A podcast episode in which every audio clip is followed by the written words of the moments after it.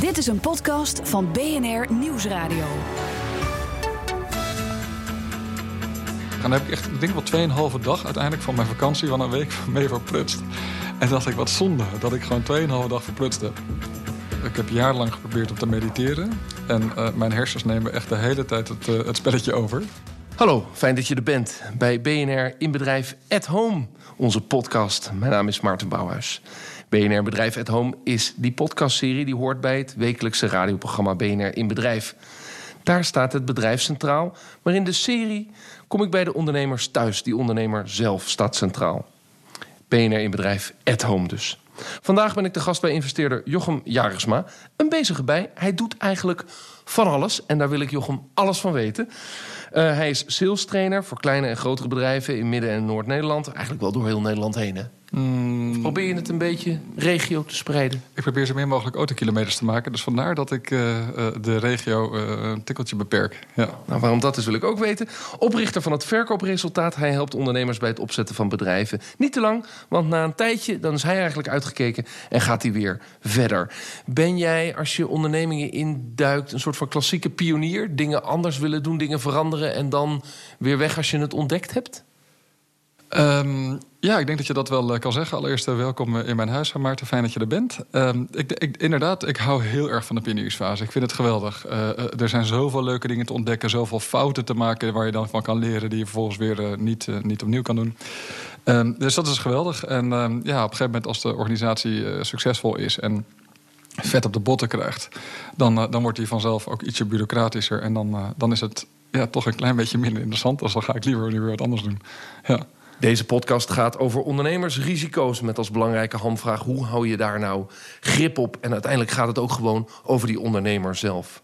Hoe zorg je dat je weet wat er gaat spelen? Want risico's schuilen natuurlijk in heel veel zaken. Van klimaat, waar we het over gaan hebben, tot calamiteiten en concurrentie en investeringen. Zelfs veranderingen in de politieke maatschappij dwingen je eigen personeel tot koerswijzigingen. Dus kun je überhaupt wel risico's incalculeren? Daar ga ik samen met Centraal Beheer antwoord op geven. Want deze podcast maak ik samen met de persoonlijke verzekeringspartner uit Apeldoorn. Zij helpen heel zakelijk Nederland vooruit. En dat doen ze met een breed scala aan diensten. Die ook weer bijdragen aan de groei van ondernemers. Je doet van alles, uh, Jochem. Um, verkoop is daar wel een centraal ding in. Hè? Uh -huh. Verkoop en sales en, en, commerciële kracht. Ja. Maar je doet dat op allerlei manieren, op allerlei plekken. Uh, uh -huh. Dan vroeg ik me af, goede verkoop draait toch om focus? Omdat je, dat je één ding heel goed doet en dat je als bedrijf daar heel succesvol in bent. Nou, ondernemen draait om focus. En uh, mijn focus is om uh, andere ondernemers commercieel succesvol te maken. Dus dat is een hele sterke, duidelijke focus. Dat is het enige wat ik doe.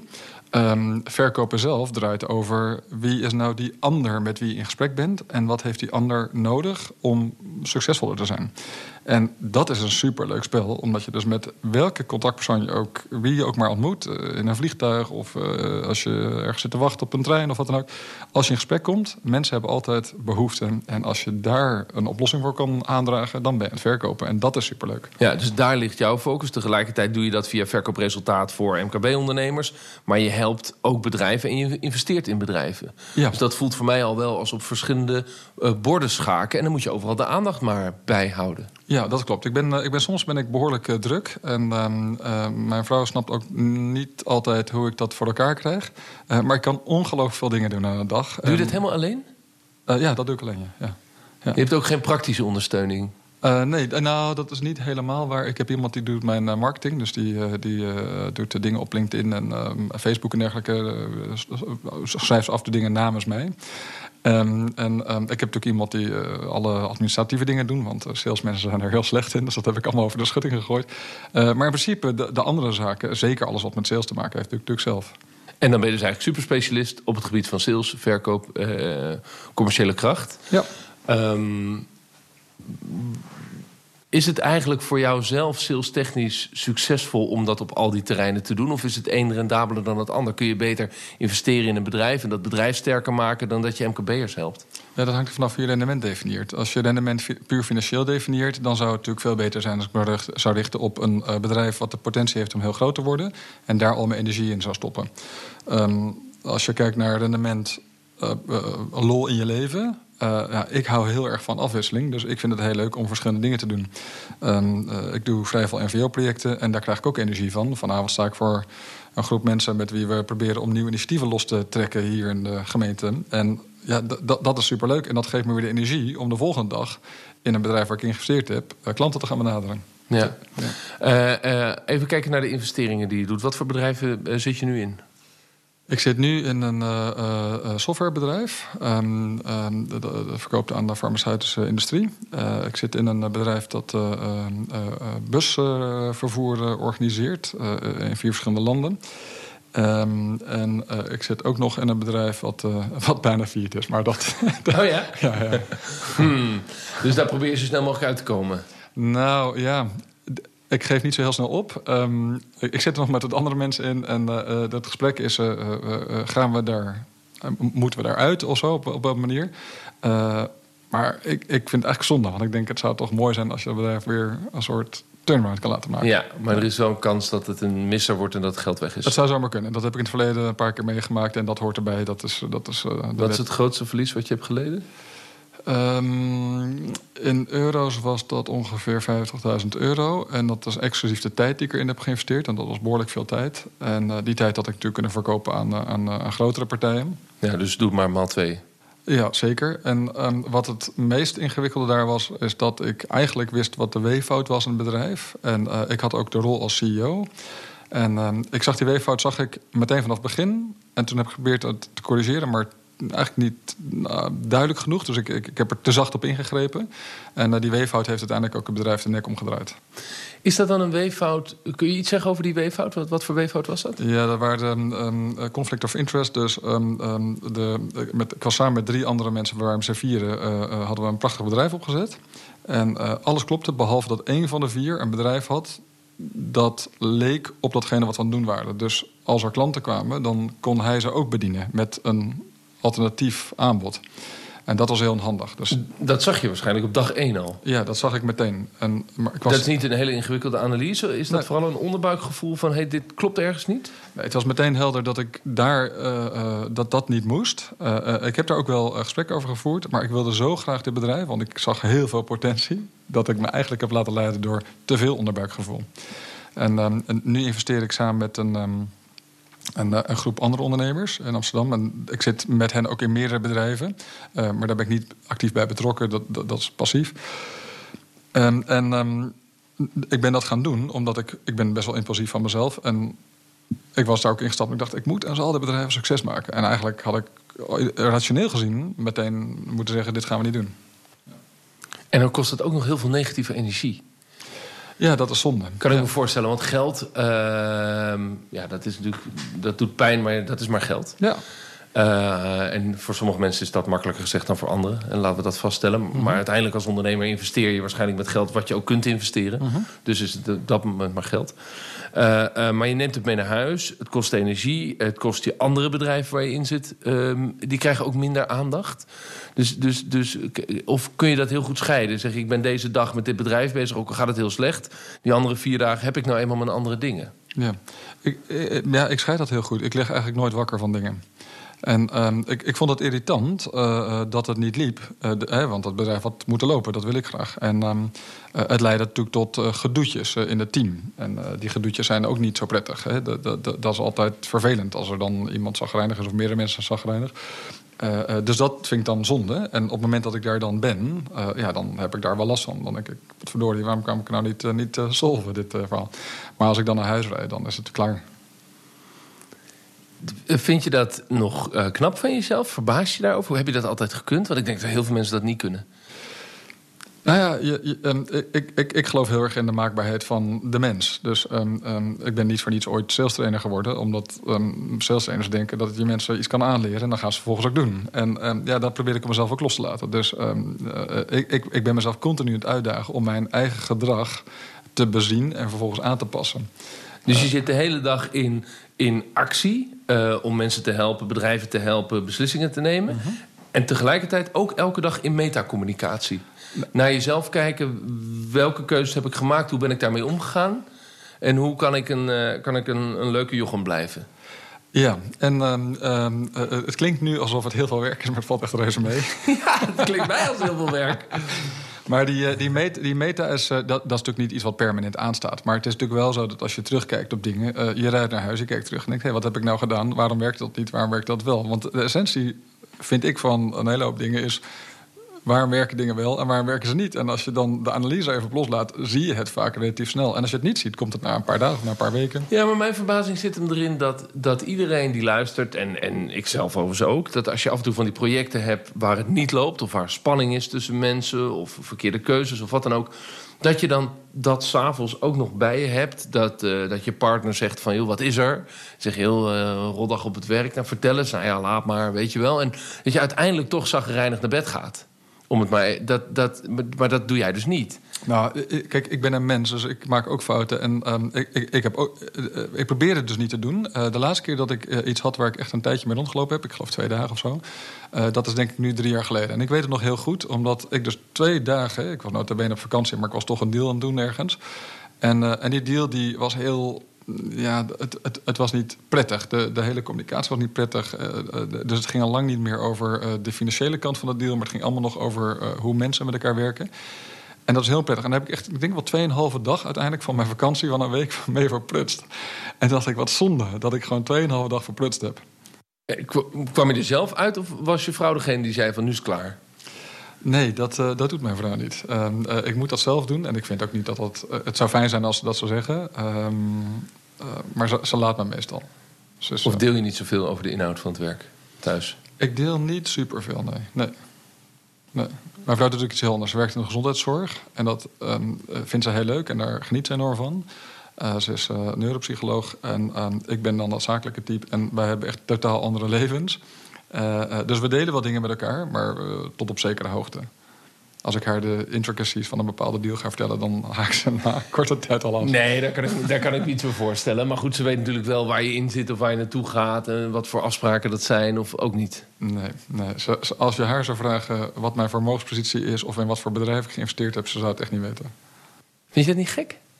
Nee, zij, zij wil vooral weten, eh, doe ik voldoende in het huishouden? Nou, eh, dat, dat, dat, daar hebben we een goede afspraak over gemaakt. Ze wil vooral weten, draag ik voldoende financieel bij... ook aan de kosten van het huishouden? En dan is dat tevreden. Ja, en dan, en dan is het leven verder met elkaar en privéleven en de kinderen... en, en alles wat daarbij hoort. En het werk is, is echt werk Ja. voor jou. Ja, Precies.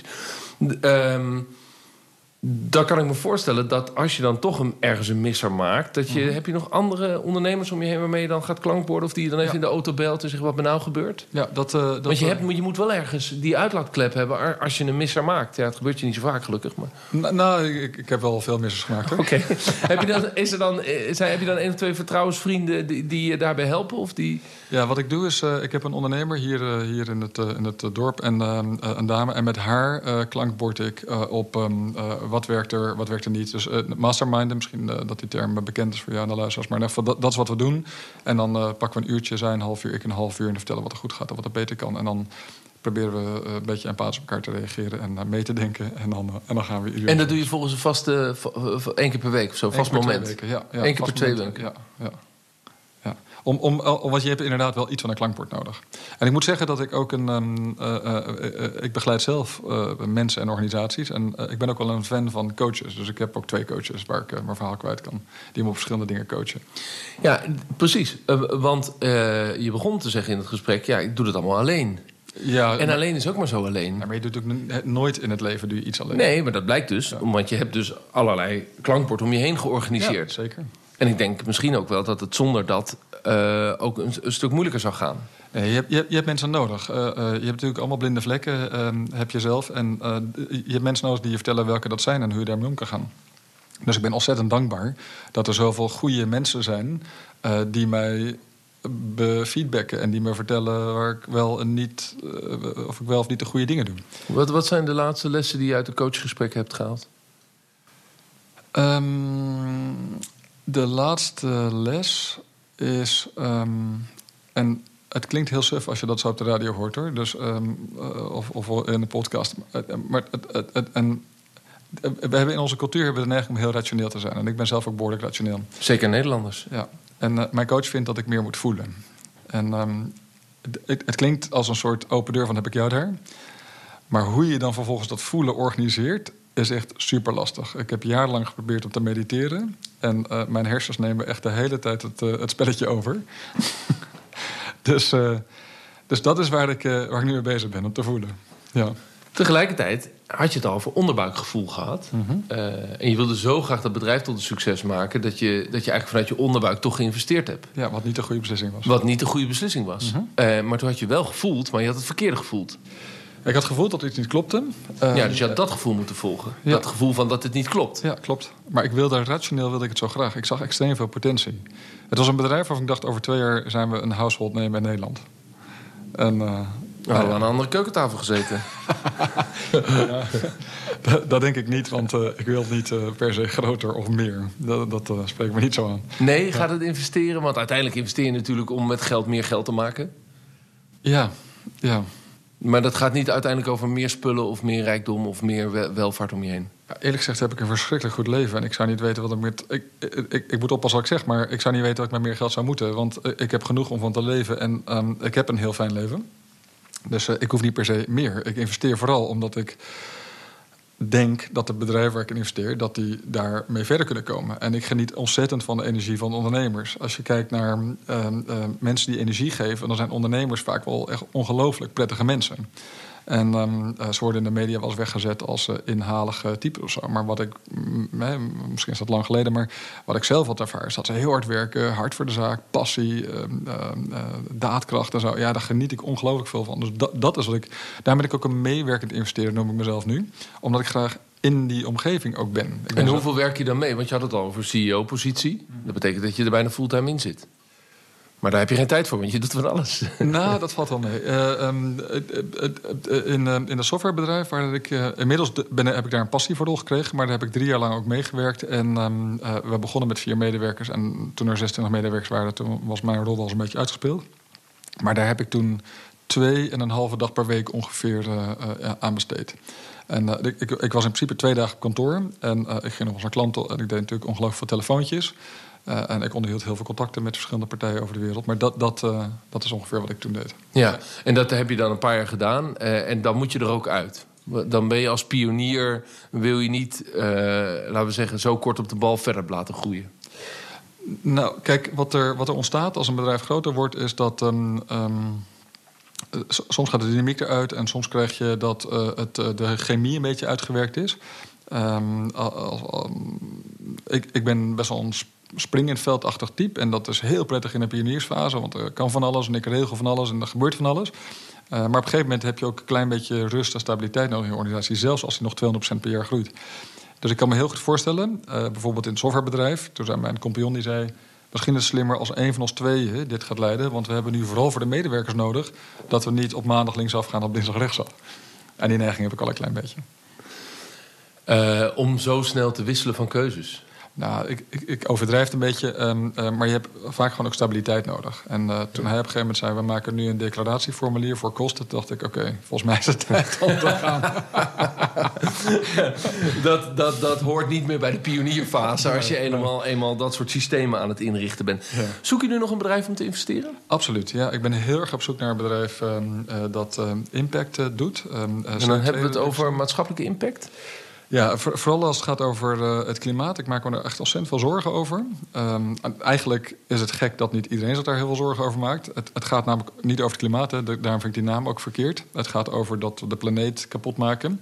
En dat is heel onhandig, want daar wonen we. Dus uh, we zijn uh, langzaam maar zeker de muren en het dak van ons eigen huis aan het slopen. En vervolgens, als het, uh, als het inregent, zeggen we: hé, hey, hoe kan het dat ik het niet zo prettig meer heb? Heb je de Donut Economy gelezen? Nee, maar dat staat op het lijstje. Ga ik, ga ik, ga ik vandaag nog, nog aanschaffen. Zeer impactvol. Ja. ja. Nou, gelukkig zijn er ook mensen die er goed over nadenken. Ik heb wat boek op tafel gelegd, Maarten. Heb jij deze gelezen, Drawdown? Nee. Oh, het is geniaal. Um, het is een boek waar de 100 uh, belangrijkste oplossingen in staan voor de problemen die we aan het organiseren zijn. Uh, Paul Hawken, Drawdown, New York Times bestseller. 100 bestaande oplossingen. Ik had er wel van gehoord nu, nu je het uitlegt. Voor de problemen die we met de aarde hebben? Ja, nou ja, als je kijkt, de, de aarde is een, de aarde voedt ons. Hè? Dus uh, wij krijgen al ons eten en al onze, alles wat we prettig vinden, komt, komt van de aarde. Hè? Dus het, het, de natuur geeft ons gewassen en vlees en dergelijke. dus, dus de aarde levert ons heel veel. En als je die dat, dat kapot maakt, dan levert dat dus op een gegeven moment niet meer.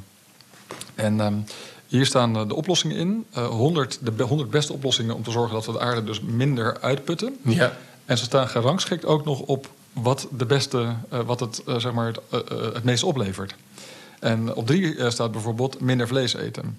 En toen ik het las, dacht ik, damn, want dat betekent dat ik daar zelf natuurlijk aan mee moet doen.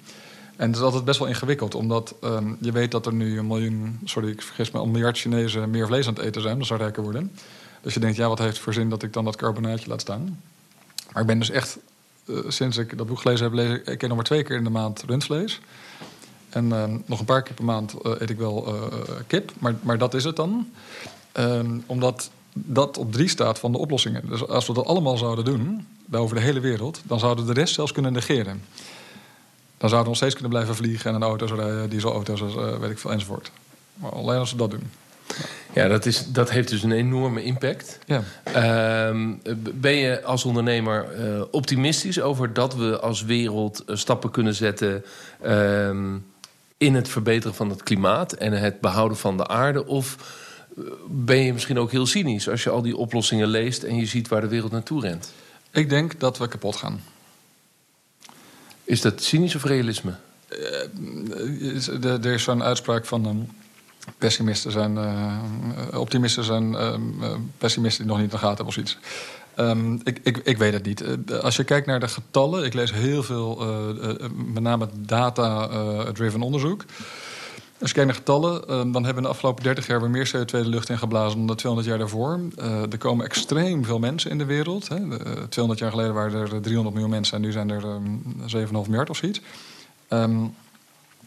We zijn heel snel bezig om echt alles kapot te maken. En als je ziet wat er nodig is om het te veranderen, valt dat wel mee op papier. Maar als je dan merkt dat het in je eigen leven al best wel ingewikkeld is, om het te veranderen, dan realiseer je hoe moeilijk het is om je. Het gaat om gedrag aanpassen. Dat is echt heel moeilijk. Ja, en wij uh, hebben hier in Nederland, zeker in de voorhoede, gedrag wat, wat grotendeels luxe gedrag is. Mm -hmm. Waarvan de impact van het veranderen in gedrag misschien wel ingewikkeld is, maar in de kwaliteit van leven natuurlijk geen invloed heeft. Nee. Uh, uh, zoals jij doet, je gaat minder vlees eten. Mm -hmm. Ja, HelloFresh heeft fantastisch vegetarische maaltijden. Ja. Dus dat hoeft het probleem niet te zijn. Nee, het, het, het, het punt is dat onze hersens zijn uh, uh, zo ingericht dat gedrag veranderen is heel lastig. Um, dus als je iets aan je gedrag wil veranderen, heb je eerst ongelooflijk veel awareness nodig. En dan moet je een soort stimulus hebben waardoor het oké okay is. En wat, is, wat is voor jou die stimulus? Dat het oké okay is? De, de, de, stimulus is dat ik... Um, ik heb in ieder geval iets gedaan. Dus ook al gaan we met z'n allen kapot... dan heb ik in elk geval een heel klein ja. beetje mijn best gedaan. Ga je ook minder vliegen? Nou, dit vind ik echt super ingewikkeld. Uh, ik vlieg heel graag. Ik reis heel graag. En um, um, vorig jaar nog heb ik iets van, um, weet ik veel, uh, zes, zeven tripjes gemaakt of zo. Uh, waaronder ook een weekend om ergens een marathon te lopen. En nu denk ik, dat kan echt niet. Dat mag gewoon niet meer. ik heb een zusje die woont in Australië. En die woont er al tien jaar. Ik ga er wel naartoe in december. Maar ik schaam me er kapot voor ja. dat ik het doe. Ik vertel het ook aan niemand, behalve dat iedereen behalve de podcast. ja. Nee, maar ik begrijp, je, ik begrijp je probleem. Van ja, ga ik dan mijn zus niet meer opzoeken? Ja, dat is ook gek. Uh, uh, maar je zet in ieder geval stappen die je wel uh, kunt zetten. Ja. en je zet de stap om dan je gedachten te veranderen. Nou, nou heb je ook kapitaal, dus je kunt ook investeren in bedrijven die bijvoorbeeld vliegen verduurzamen. Daar ja. zijn een aantal start-ups, zeker rond de Technische Universiteit in Nederland, heel ver mee. Ja. Is dat dan ook het type bedrijven wat je zoekt? Absoluut. Ja, ik, de, de, er is een um, um, Slovenië en in Tsjechië zijn er twee uh, elektrische vliegtuigbouwers. Het zijn nu nog hele kleine vliegtuigjes, maar daar word ik echt heel enthousiast van. En um, um, ik, ik, ik, ik, geef zelf ook uh, sales trainingen aan uh, de TU Delft en de incubator daar. En dat doe ik yes ook Delft is ja, dat, precies, yes Delft. En dat doe ik ook op andere, bij andere incubators waar veel technische oplossingen zijn. Dus ik hoop dat ik daar tegen dat soort oplossingen aanloop. Want daar zou ik inderdaad heel graag in, in, investeren en ook in meewerken. Ja. Want daar geloof ik erg in. Ja. En da daarnaast zit je in waterpompen in Tanzania. Je organiseert wereldbarbecues, muziekfestivals. Bedoel, waar komt dat allemaal vandaan? Dat is allemaal een soort van MVO-achtige projecten. Ja, een jaar of tien geleden dacht ik, um, uh, wat doe ik eigenlijk voor mijn eigen omgeving? Um, en, uh, niks was het antwoord. En uh, ik ben verhuisd vanuit Amsterdam naar, naar Bussum en ik, had hier, kende hier niemand. dus ik dacht, goh, wat raar, ik slaap hier en vervolgens rijd ik weer naar Amsterdam om mijn werk te doen. En, en toen dacht ik, hoe kan ik nou A, een netwerk creëren van mensen met wie ik het leuk heb in de plek waar ik woon. En uh, B, ook nog iets bijdragen. En toen ben ik projecten gaan doen. En um, nou, van het ene project komt tot het andere. En uh, op een gegeven moment, als mensen iets voor elkaar willen krijgen, dan denk ik, ah, misschien moet ik hem erbij betrekken. En ik heb zelf ook vrij veel ideeën, dus dan zoek ik er zelf mensen bij die, die erbij kunnen. En nou, die wereldbarbecue bijvoorbeeld is echt fantastisch. Dat, dat komend jaar is de zesde keer. we begonnen um, zeven jaar geleden begonnen met. Ja, um, het schijnt dat immigranten graag, met een, graag barbecuen. Je ziet Turken zie je vaak met elkaar op het grasveld barbecuen. En toen zei iemand, ja, dat zouden we. Turken willen ook graag hier in. Um, in Bussum willen ze ook een plek, vroeg, vroeg iemand aan de gemeente. En dacht ik, uh, maar dat is niet handig, want dan krijg je dat Turken hun plek hebben. We moeten natuurlijk met elkaar dat doen. Want ja. uiteindelijk zijn we allemaal Nederlanders. Ik zeg, ik zeg zelf ook nooit Turk, ik zeg altijd Nederlands van Turks origine. Um, en dat is uh, best wel heel groot geworden. We begonnen, we hadden acht kaartjes verkocht voor de eerste versie. er kwamen uiteindelijk ruim 200 mensen. En afgelopen jaar waren er 1500 mensen. Dus Wow. En, en, die dingen ontstaan omdat... En dan zie je dus ook de, de, de multiculturaliteit uh, van, van, zelfs van Bussum. Bussum is hartstikke multicultureel, maar dat realiseren mensen natuurlijk niet. Nee. Uh, als je alleen maar in het British kwartier komt, dan, uh, dan zie je dat niet. Maar Bussum heeft, ik geloof, tegen de 15% niet, niet Nederlandse achtergrond inwoners. Ja, en dan zeg je dat is goed voor het dorp om dat te gaan organiseren, om elkaar te ontmoeten. Ja. Uh, een van de grote klachten van uh, Syriërs die hier een uh, verblijfsvergunning hebben, hè, mm -hmm. gevlucht vanuit de oorlog, is dat het zo moeilijk is om in contact te komen met Nederlanders. Dat ja. was, was, was recent nog weer in het nieuws. Ja. Het, doet je dat pijn dan, als je dat dan hoort? Ze zeggen, we, zijn, we, we krijgen tussen als, als, als we, Nederlanders van Nederlandse komaf niet voor elkaar om, om gewoon in contact te komen met vaak hoger opgeleide Syriërs die hier gewoon een bestaan willen opbouwen. Ik heb zelf vrij veel projecten gedaan met Syriërs toen ze net kwamen, toen ze hier in het AZC zaten. En um, we hadden 101 vluchtelingen, waarvan ongeveer 80 uit Syrië en uh, de rest kwam uit uh, Afrika. En uh, we hebben hele leuke projecten gedaan. We zijn naar universiteiten geweest omdat ze hoog opgeleid zouden zijn. Want dat wordt Viel altijd tegen? Gezegd. Ja, dat is niet echt zo. Er zijn wel hoogopgeleide Syriërs. Uh, orthodontist zat er bijvoorbeeld tussen. Uh, uh, maar heel veel Syriërs. het is echt niet zo dat daar opeens 30% van de volk aan de universiteit studeert. Dat is in Nederland niet zo en dat is daar ook niet zo. Um, um, maar we hebben projecten gedaan, we hebben voetbal gekeken, we hebben naar de universiteit geweest, we hebben allemaal leuke dingen gedaan. allemaal meet and greet-achtige dingetjes ook. Um, dus hier hebben we denk ik wel aardig gedaan. En de, de, uh, niet zijn alle... daar nog dingen van over? Ja, zeker. De, de, op de wereldbarbecue zijn Syriërs ook graag... Die komen daar ook graag, want daar kunnen ze en eten maken... en met Nederlanders afspreken. er is, we hebben een project gedaan om te koken samen... en die mensen zien elkaar nog steeds. Hè, dus Nederlanders en Syriërs koken samen. die zien elkaar nog steeds. Dus er is nog veel van over. En een aantal Syriërs, Nederlanders inmiddels... zijn ook actief geworden dankzij dat soort momenten. Dus die hebben eigenlijk een soortzelfde rol ge, uh, op zich genomen als ik. Door in projecten mee te draaien. En vanavond zie ik bijvoorbeeld uh, Kader. En Kader is uh, iemand die is nu zelf bezig om, te om projecten te bedenken... waarbij Syriërs meer met Nederlanders in contact komen. Dus um, ik, ik, hoor ook, ik hoorde gisteren op de radio dat Syriërs weinig Nederlands kennen. En denk ik, je moet een klein beetje je best doen. zowel Nederlanders als Syriërs. En dan gaat het wel. Dus hier loopt het heel aardig. Wat drijft je nou in de kern dat je dat allemaal doet? Dat je onderneemt, dat je MKB'ers wil helpen in salestrainingen... dat je meewerkend voorman bent. Hè? Dus niet alleen maar investeren, maar ook uh, uh, CEO-tijd investeren. Tijd investeren in die bedrijven. Dat je de wereld wil verbeteren. Dat je zelfs lokaal projecten optuigt. Wat, als je er nou naar kijkt, naar jezelf... met, je, met de helikopterview waar je zo goed in bent in de auto... met de meta. met de meta. Wat, wat, wat is dan de kern van van wat jou drijft om dat allemaal te doen? Ja, dat vraagt mijn vrouw ook heel vaak. Um... Als ze je ontmoet. Als ze de tijd heeft om een vraag te stellen. die, uh, die vraagt zich ook af van waarom doe je al die dingen? En, um... Wat zijn je antwoord? Ja, kijk, ik, ik denk, ik wil heel graag iets bijdragen. En waar dat dan vandaan komt, is misschien wel het idee dat ik zelf niet voldoende bijgedragen heb of zo. Ik weet niet wat het is. Als kind woon ik in Afrika. Mijn ouders gingen naartoe om ook bij te dragen. Dus ik ben ook nog genetisch behept, zou je kunnen zeggen. Um, uh, en, en, dat heeft denk ik indruk op me dus gemaakt. zij werkte voor een NGO? Nou, ze, ze werkte in... Um, niet een NGO. Dat, ja, misschien heet dat... Toen heette dat anders. Waarschijnlijk zou dat nu een NGO zijn. Maar een club in ieder geval... die stuurde um, hoogopgeleide Nederlanders naar Afrika... om daar um, onderwijs te geven. En, en dat dus echt een bijdrage aan, aan de ja. wereld. Ja. Dus in die zin heb je dat meegekregen. Maar wil je iets bijdragen of wil je iets achterlaten?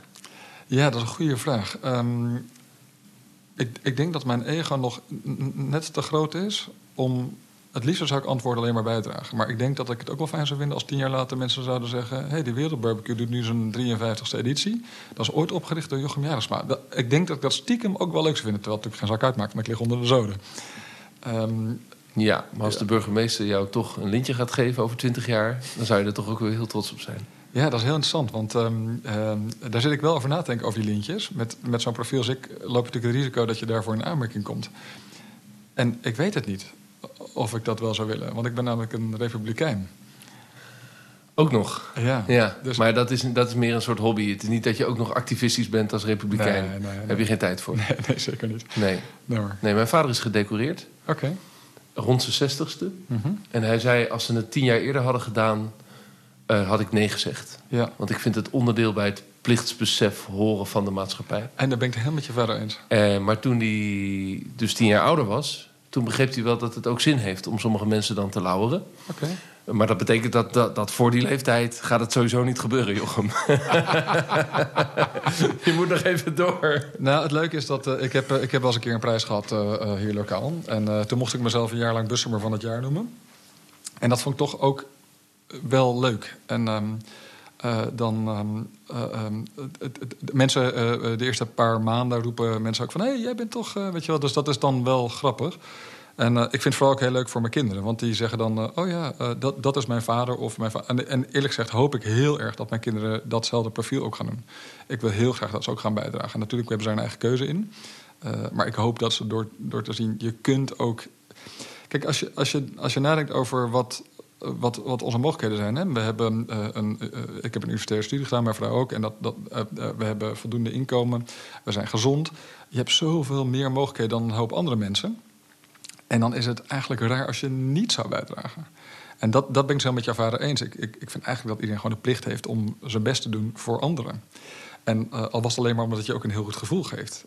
maar daar geloof ik heel sterk in. En ja, nu hebben we zo'n grote crisis in de wereld. Daar moet echt iets gedaan worden. Nou begrijp ik één ding nog niet. Ja. Als jouw coach naar deze podcast zou luisteren... Mhm. dan zou hij toch het antwoord hebben over hoe jij kunt voelen. Want wat jij dus voelt, is dat je wil bijdragen aan de wereld. Dat is toch gevoel? Daar zit ook ratio achter, want je leest het boek. Dat weet ik wel. Ja. En je moet de Donut Economy ook lezen. Ja, Mijn tip. Uh, maar dat is toch ook gevoel? Dat je wil bijdragen, dat is toch iets uh, ja, bijna ontastbaars? Het wordt tastbaar doordat je dingen gaat organiseren. Maar het is in de kern is het, is het iets ontastbaar. Ik wil iets bijdragen, ja. Het gaat, hij, hij zegt denk ik meer uh, het gevoel in je lijf. Dus uh, we hebben de neiging om onze hersens zo zijn belangrijk te maken... dat we ons lijf haast vergeten. Ik loop daarom wel hard, maar het gaat echt over dingen als yoga meditatie. Wat zegt je lijf? Zegt je lijf stop? Of zegt je lijf ga door? Of dat soort zaken. Ja, niet het gevoel vanuit je hart. Want alles wat jij bijdraagt aan de wereld komt uit je hart. Ja, ja ik denk dat dat het verschil is inderdaad. Ja. En zijn advies is ga voelen met je lijf. Maar je bent marathonloper. Ja. Dus je kunt je lijf heel goed voelen. Ja, en dan zegt mijn lijf zegt best wel heel vaak tijdens een marathon... stop, stop, stop, het doet zeer. maar dan zegt mijn hoofd zegt, echt niet. Ik heb doorzettingsvermogen, we gaan. Ja. Wat is je PR? 3,21. Wauw.